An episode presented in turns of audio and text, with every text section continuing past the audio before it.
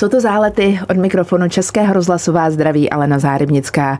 Možná právě teď už si víc než jindy uvědomujeme, že, jak říkal Gustav Mahler, tradice není uctívání popela, ale zachování ohně. A o jedné tradici, která funguje už od roku 1902, tedy 122 let v Poniklé v Podkrkonoší, budeme dnes mluvit.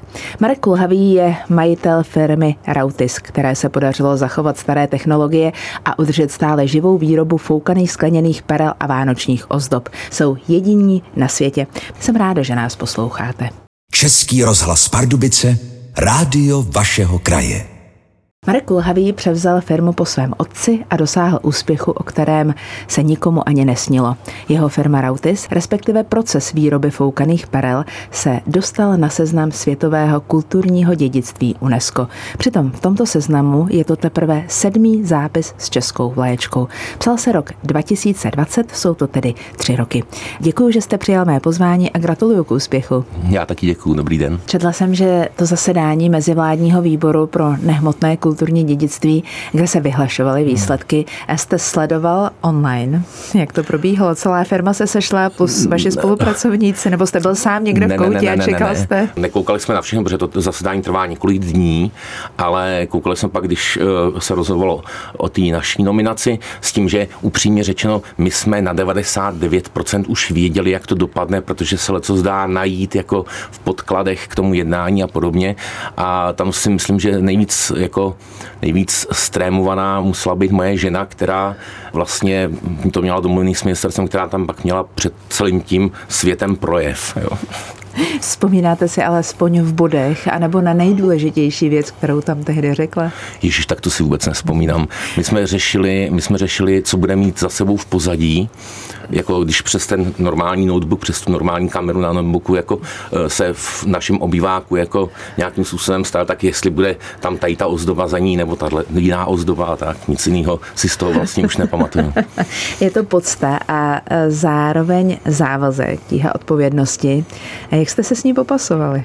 No, já myslím, že ta odpovědnost je tam nejdůležitější, a, ale je to taková ta odpovědnost v širším slova smyslu. Jo, to není, my nejsme odpovědní jenom za naší firmu, cítíme odpovědnost za celé to řemeslo, za všechny lidi, kteří se na tom řemeslu podílejí, ale i v širším slova e, smyslu i za jiná řemesla, který mají třeba k tomu sklu nebo k té perlařině blízko. Prostě to vnímáte jakoby trošku jako jinak. A zároveň myslím si, že my s mojí paní jsme takový rozhodný, že když to UNESCO vlastně bylo na světě, tak jsme hodně, hodně, hodně se pídili potom a hodně jsme chtěli, aby tím to neskončilo. Nominaci podala Česká republika a Česká republika, aby taky nesla tu tíhu odpovědnosti, aby to neskončilo jenom na nás, protože to bychom se z toho zbláznili. Mm-hmm. Otevřelo vám to dveře dál? Já to vnímám tak, že spíš, když v těch dveřích stojíme, tak nás lidi vnímají. Jo, eh, my samozřejmě i předtím jsme měli spousta různých aktivit, ale i kolem té výstavní činnosti a podobně. A tohle to UNESCO je, je takový, že Ono to teď má takový pozvolný náběh, jakože eh, i když jednáme jak se zákazníkama, tak se státníma institucema nebo různýma jinýma organizacema, tak už tam to UNESCO jako je. Jo, eh, je to tam jako znát. Myslím si, že jako víc se eh, potom v eh, UNESCO se víc rozjela taková ta výstavní činnost a opravdu představit to řemeslo jako nejen tady v republice, ale i jinde ve světě. Mým hostem je dnes Marek Kulhavý. Jeho firma se zabývá výrobou skleněných perel v Poniklé a třeba i ozdob, které se pak z těch skleněných perel chystají. A co jste dělal, Marku, předtím? No, já jsem předtím byl ještě poněkud mladý. Takže já jsem předtím studoval a e, potom jsem v tu dobu byl, myslím, na civilní službě. Potom jsem vstoupil e, do neziskové organizace a věnoval jsem se lesním, malým lesním školkám na Jizerských horách. Mm-hmm. Jo, takže jsem byl vlastně zaměstnancem uh, občanského združení, který dodnes vlastně ty školky má, působí tam a, a je to pěkný. No. Mm. Ještě jeden skok v čase udělám do roku 1902, kdy Stanislav Horna založil firmu. Eh, co o tom období víme dnes a co je pro tu stávající podobu vaší firmy z toho období dávno minulého nejpodstatnější? Co víme o tom období před Hornou, víme toho dost. Tam základní věc, že už v tu dobu, kdy k nám do vsi přišel Stanislav Horna, tak už v tu dobu u nás perlařina byla.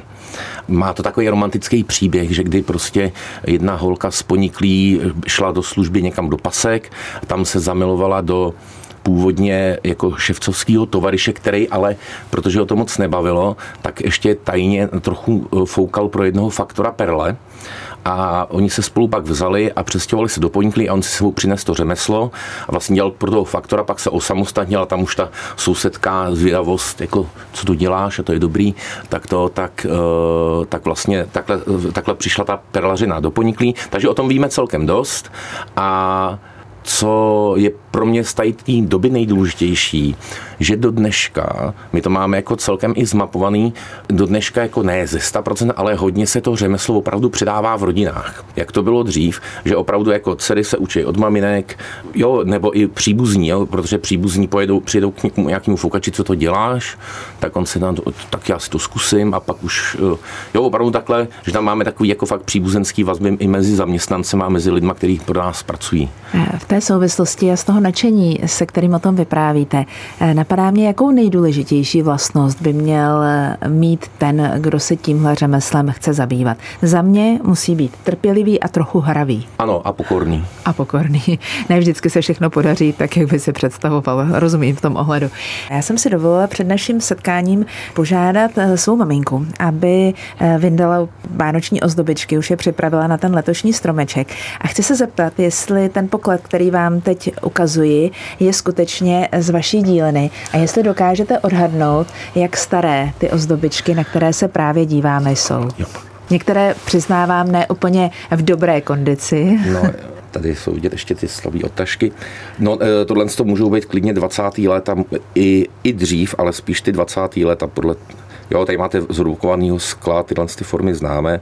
Ono eh, to nemusí být přímo z naší dílny, těch dílen tady bylo víc, ale hodně se rozlišuje mezi tím, co je dělaný u nás, nebo jako eh, v té klasické perlažině a potom ještě eh, se do té výroby a v kooperaci vlastně třeba s Hornovýma pustila zásada, která zase tam takový z těch drobného šmelců dělala takový ty jako obtočený obroučky a podobně. Mm-hmm, no. mm-hmm. Ale já tohle z typu, že to je opravdu předválečný ještě. Já si jo. myslím, že v době války už to na stromečku no. vlastně mých eh, rodičů a tedy mých prarodičů vyselo maminka. No, tady vidím tohle z té perle, která je foukaná z volné ruky, že není do formy. Aha. Eh, barvy je vidět, že, jsou, že to je ještě, kromě tyhle, ta už je barvená, ale jinak, že to bývá ještě barevný sklo, který je foukaný. Mm-hmm. Jo. Mm-hmm. A to jsou zajímavé věci. Rozechvěje se vám srdce, když vidíte takovouhle věc? Jo, jo, protože to je prostě, ještě jak to je křehký, a ty drátky jsou rezový, tak to, to je jak když někde najdete poklad. Jo. Mimochodem eh, u nás ve firmě jsou eh, naše eh, zaměstnaní jsou tak šikovní, že když mi to dáte sebou, tak vám to opravíme. Zvadný, tak, tak domluveno, budu mít velkou radost a děkuji za tuhleto nabídku. Když potom přišla komplikovaná situace ze státňování soukromých podniků a pak zase naděje v podobě sametové revoluce, tak k té bych se ráda vrátila. Váš otec na základě výběrového řízení se stal ředitelem podnikatelského podniku a řekl vám někdy, proč do toho výběrového řízení šel? No, on se nestal ředitelem podnikatelského podniku. Hmm. Ta podniklá, ta výroba, kterou, která je vlastně dneska gro té perlařiny, tak ona od jak živa byla taková jakoby stran, taková za bukem. Hmm. Protože tam toho moc nezmínilo a přežilo to všechno. A uh, tam šlo o to, že otec se stal uh, vlastně ředitelem, myslím, že závodu tři železnoborského skla, což byl obrovský, obrovský komplex různých firm v dnešní době, nebo různých závodů. A on, jeho úkol byl, což udělal, že z toho vytvořil samostatný státní podnik a ten potom zprivatizovali. Hmm. A už v té době, vlastně potom v těch devadesátkách samozřejmě eh, ho rozdělili na eh, schopný provozy, který měli šanci převíz. Těch bylo pět. Jo? A z každého toho provozu vznikla samostatná firma. S některými z nich do dneška jako spolupracujeme. Hmm. Ale že, že ta poniklá je opravdu, to mělo svoje vily v Jablonci, svoje rekreační střediska a tak, tam a poniklá ty tři baráky v poniklí, to prostě, to bylo opravdu, to, to si nikdo ani nevšímal. To je jen jako tam tak bylo a žil si to svým vlastním životem. Marek Lhavý, posloucháte Zálety. Český rozhlas Pardubice, rádio vašeho kraje. Marek Kulhavý, majitel firmy, která se zabývá v Podkrkonoší výrobou skleněných perel, je dnes hostem v mých záletech. Jak a proč naučil Krakonoš chudé horely perlařskému umění? Máte na to nějaký příběh? No, ten příběh samozřejmě existuje. Je to pohádka od Marie Kubátové. My si ho vybíráme a často ho i používáme, protože víme, že k němu přišla v poniklí konkrétně u pana Hluce říká, eh, s příšlapkem Matějů, eh, který foukal perle ještě v 70. letech, foukal třeba ptáčky z volné ruky a ona k ním na chalupu chodila sbírat prostě pohádky, to všechno my víme. A ten příběh má jedno poslání, je to takový, já to znám ještě od těch indiánů, jo. Eh, je, to, je to to poslání, že než abych někoho podaroval chlebem, tak ho naučím, jak pěstovat obilí a jak z toho udělat mouku a upít z chleba. A to je příběh o, o tom Krakonoši, kdy za ním Matěj chudej přišel, ať mu pomůže, že prostě jsou chudí a tak dále. A on ho naučil s tím sklem vlastně foukat právě e, různé ty ptáčky a tak. Pak ho naučil stříbřit a opravdu v té pohádce je technologický postup. Jo? Jak rozpustil to stříbro a, a tak dále. Všechno to tam je a moc se mi tam líbí jako eh, jedna pasáž, kdy ten Krakonej říká, a tak žena učil ty uh, chudí lidi foukat to sklo, ty ptáčky a že ty, co měli šikovné ruce, tak ty foukali ty ptáčky a různý svícínky a podobně. No a ty, co měli obě ruce levý, tak těm vymyslel formu. A to jsme my. čem se liší ta technologie teď od té, jak to fungovalo v roce 1902? Hmm. Ona se moc neliší. Třeba u foukacího stolu, to znamená ten základ u toho foukání, tak tam akorát, že jsou možná delší hořáky, že, eh, ale to už v těch 20. letech se uh, taky řešilo a začalo se používat elektrický dmychadlo.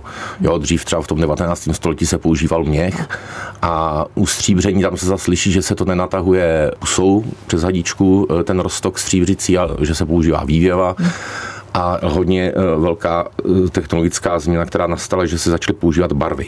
To poznáte i ty staré ozdoby, eh, že jsou málo barevný. A ne, že by lidi nechtěli mít barevný, ale ono v té době ta barevnost skla byla celkem omezená.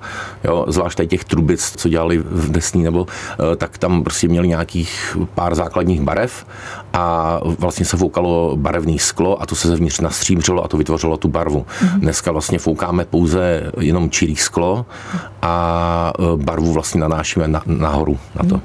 Je pravda, že ta krabička, kterou tady máme na stole v rozhlase před sebou, těch barev neobsahuje moc a že základem je vlastně ta stříbrná nebo béžová barva, nebo jaký budeme říkat a výjimečně se tam objevuje eh, třeba červená nebo no, modrá. Ale tady už jsou i barvený jako perle, hmm. ale to, to, to můžou být opravdu nějaký, nějaká válečná záležitost, kdy už se zkoušely ty barvy na sklo, jo, nějaký hmm. chemický. V prvních, prvních pokusech, rozumím, rozumím.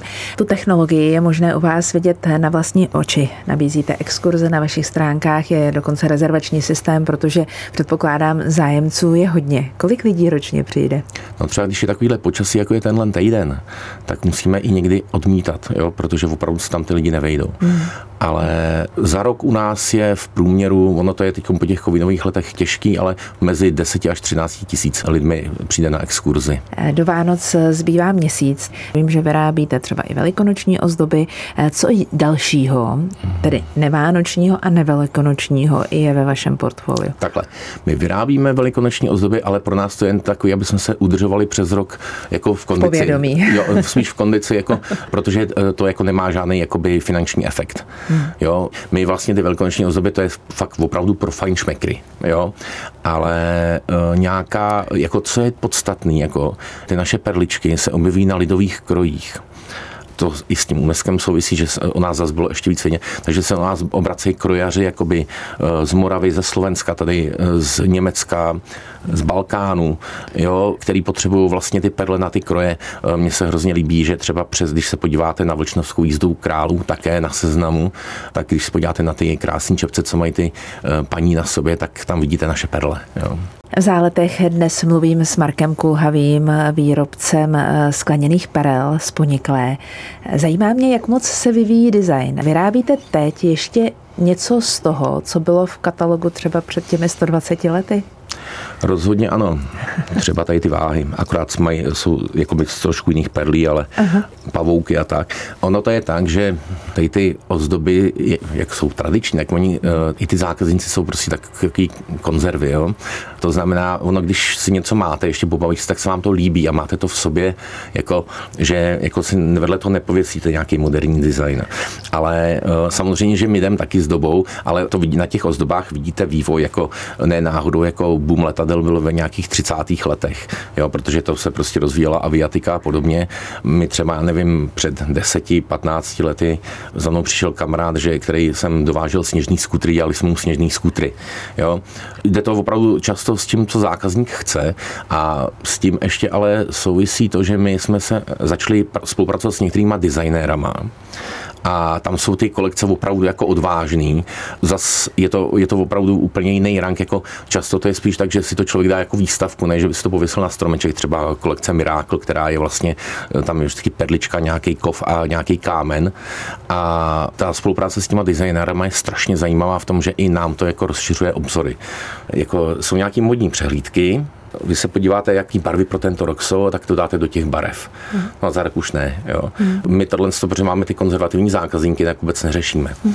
Jo, prostě oni se většinou sami řeknou, co chtějí a uh, stejně tam uh, bývá nějaká střízlivost a jednoduchost v těch ozdobách. Používáte e, ve výrobě nějaký slang? Mluvíte mezi sebou, tak že v jistých ohledech vám ten, kdo není z oboru, vlastně nerozumí? To rozhodně ano a i naši průvodci musí dávat pozor na to, co říkají říkají, respektive aby lidem vysvětlovali eh, tu řeč eh, jako našeho kmene. Pojďme na nějaký příklad. No, eh, ve výrobě moje oblíbený je čůcha. Ale. Když řežete, tak to si uděláte z kůže nebo z nějakého hadru si umotáte palec, aby když to řežete a zlomí se vám ta perla, tak abyste se nepořezali. Mm-hmm. Jo, nebo klauče, to je jasný, mm-hmm. to je přímo jako ta, ta řádka těch perliček. Okay. A pak třeba, když máte eh, rauty, ty malinký drobný kora, ty malý drobný perle, tak oni se neřežou na jednotky, ale vy se je říznete podle potřeby na nějakou dílku. Takže proto to drží tvar, že to je pevný. Mm-hmm. Jo, tak tomu se říká pěťánky, desateránky jo, a, a takový drobnosti. Moje žena napsala o té perlařině asi jinou a nej, nejucelenější publikaci a tam je u toho, v tom je i slovníček právě tady těch pojmů. Marek Kulhavý, posloucháte Zálety. Český rozhlas Pardubice, rádio vašeho kraje. S Markem Kulhavým, výrobcem skleněných perel z Puniklé, dnes moc ráda mluvím v záletech. Za covidu měl velký úspěch, nebo měli velký úspěch kolekce pro ruční výrobu to, že jste nabídli lidem, aby si vlastně vaše řemeslo vyzkoušeli. Nestalo se nakonec to, že z nich se rekrutoval někdo, kdo přišel s tím, mě to tak vlastně baví, že bych tohle pro vás chtěl dělat i jako váš zaměstnanec nebo spolupracovník? No, my jako ty sady na to, aby si udělali si sám, eh, aby se lidi to umotovali, už máme jako roky. Eh, ten covid to trochu jako přizdvih, ale my prostě během toho covidu jsme byli strašně opatrní v tom, aby jsme se jako nevezli na té vlně toho strachu nebo na té vlně uh, jakoby to, to, toho strašení lidí a to bylo hrozně náročné, takže, takže v tom my jsme vlastně toho moc nedělali. Jo. My jsme spíš jeli tu kampaň jako zavřeli nám, eh, jako my jsme spíš vedli tu kampaň proti těm vládním opatřením, jo. zavřeli nám trhy, kupte si nás online a podobně. Ale samozřejmě neustále se nám ozývají lidi, že by pro nás chtěli montovat. Uh, rovnou upřímně říkám, uh, když někdo bydlí daleko, tak je to neefektivní spolupráce my těch montážních máme dost, jo, opravdu děje se to většinou v té vsi a blízkém okolí nějaký nápady, taky už to bylo. A já si proto budu jezdit z Prahy, eh, prostě to není ono.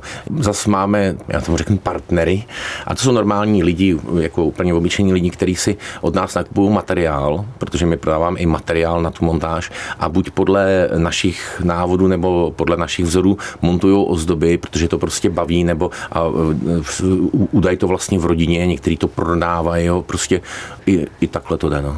Čím se liší pohled Rakušanů nebo Italů nebo jiného trhu, Švýcarů třeba, eh, kam eh, své ozdoby vyvážíte od toho pohledu, českého pohledu eh, na foukané perly? Tam se ty pohledy liší minimálně. Hmm. Je to v podstatě stejný. Maximálně třeba, že Švýcaři jdou ještě mít do nějakých barevných jako krácí. Co je velký rozdíl, tak byly vždycky Spojené státy, kde to, to bývají fakt jako divočiny a pak, pak jako ty trhy, je to hodně podobné, nejsou tam fakt žádný, ty, žádný úlety, jak, jak byly v té Americe. Mm-hmm.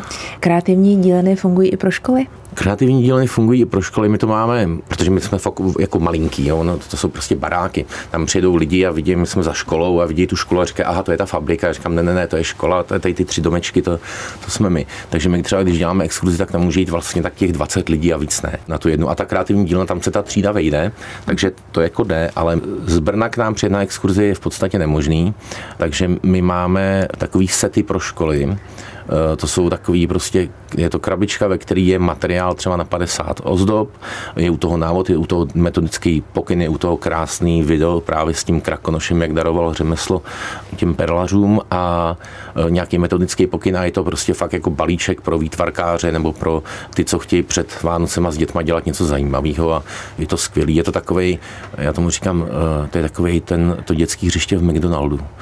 Jo aby prostě už od mala děti se naučili znát ty, tyhle ty ozdoby perličkový a třeba až jednou budou mít svůj eh, jako stromeček, tak si na ně vzpomenou. Marek Kulhavý je mým hostem v záletech. Mluvíme o výrobě skleněných perel. Převážnou část eh, našeho rozhovoru jsme věnovali historii, prošli jsme současnost, tak teď ještě eh, ten krátký pohled do budoucnosti. Rozumím, že tradice zůstává, to znamená teoreticky, až tady někdo bude sedět nebo někdo si bude povídat za dalších sto let, eh, bude před sebou mít jenom o sto let delší řadu podobných věcí, jako my máme teď spolu před sebou. Přesto je nějaká vize, směr, kterým byste se chtěli obírat? Tam jako, co se týče designu těch ozdob, tak tam, tam žádný vize ani nemáme, ani nechcem mít, eh, to reaguje na dobu. Jo, ale co se týče třeba nějaká komunikace se zákazníkama a tak, tak v tom se snažíme rozvíjet, teď se snažíme eh, jako eh, víc ještě jakoby se prosadit a usadit se v onlineu. Jako už naučili jsme se jednu věc, jakože už jako ne, jako když v, v roce 2001 jsme si řekli, musíme s tím něco dělat, tak jsme se naučili HTML a udělali si svoje webové stránky. Jo, teď už víme, že jsou lidi, kteří se tomu věnují, umějí to dobře, a takže už umíme delegovat. Jako, jo. A to je nejdůležitější, protože eh, přichází nové oči, nový zrak, podívají se na věc, která pro vás je nějaká stabilní a dokážou ji eh, posunout eh, tím správným směrem. O závěrečnou otázku v záletech jsme tradičně požádali počítač, prostě umělou inteligenci. A umělá inteligence se ptá, Zda se vám někdy, Marku, stalo, že jste vyrobili vánoční ozdobu, která byla tak krásná, že jste se jí prostě a jednoduše nechtěli vzdát? No to já přemýšlím. Nám se jako stali, tak, nám se staly takové věci, že když jsme ještě třeba jezdili na veletrhy, eh, s ženou na veletrhy turistického ruchu ve spolupráci s různýma těma turistickými organizacemi a dělali jsme tam takový ty eh, opičky, to znamená ty, který něco předvádí a zaujmou na tom stánku, a když tam čtyři dny stojíte, tak nevyrábíte furt jednu hvězdu, jo? takže tam jsme si pak hrali, vymýšleli a um, já jsem tam jednou vyrobil takový auto, ale u nás to je, že něco vyrobíme, tam vymyslíme a pak to jako dáme jako do, do té firmy, jako, uh, což jako není žádný, žádná oběť, jo, ale prostě říkám, zkusíme to vyrábět dál ale stalo se nám, že hodně tady těch ozdob, co jsme tam takhle povyráběli, tak máme na stromečku. Hmm. Takže je to sbírka a přehlídka toho, co jste vyráběli v době, kdy jste A naše děti, co vyráběli a, a tak. No. Eh, já moc děkuji za to, že jste se mnou dnes mluvil v záletech. Eh, jako meteorolog oceňuji, že ty hvězdičky jsou šestiboké, že skutečně připomínají sníh, což je v pořádku. Nás meteorology to samozřejmě těší, že byla dodržena nejenom ta nádhera tradice, ale pro mě i fyzika. Za to moc krát děkuji a přeju hodně trpělivosti, hodně inspirace a hodně radosti, kterou eh, práce, kterou pro udržení tradice a nakonec pro nás, pro všechny děláte. Tak ať se vám ve všem daří. Děkuji. Hmm, taky děkuji. Naschledanou. Krásnou neděli přejeme vám všem. Tento pořad si můžete znovu poslechnout v našem audioarchivu na webu pardubice.rozhlas.cz.